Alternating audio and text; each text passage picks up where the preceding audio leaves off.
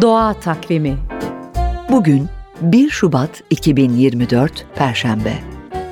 NTV Radyo iyi günler diler. Zemheri ayı bitti. Bugün Hamsin fırtınasıyla Hamsin günleri başlıyor. Hamsin yani balık fırtınasıyla balıkların denizlerdeki göçü başlar. Bu dönemin en lezzetli balıkları hamsi ve istavrit olur. İstavrite okyanusun taksisi dendiğini biliyor musunuz? Küçük balıklar uzak yerlere gitmek için istavritin sırtına binermiş.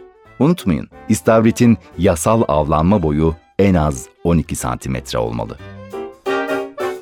Kış mevsiminin son ayındayız.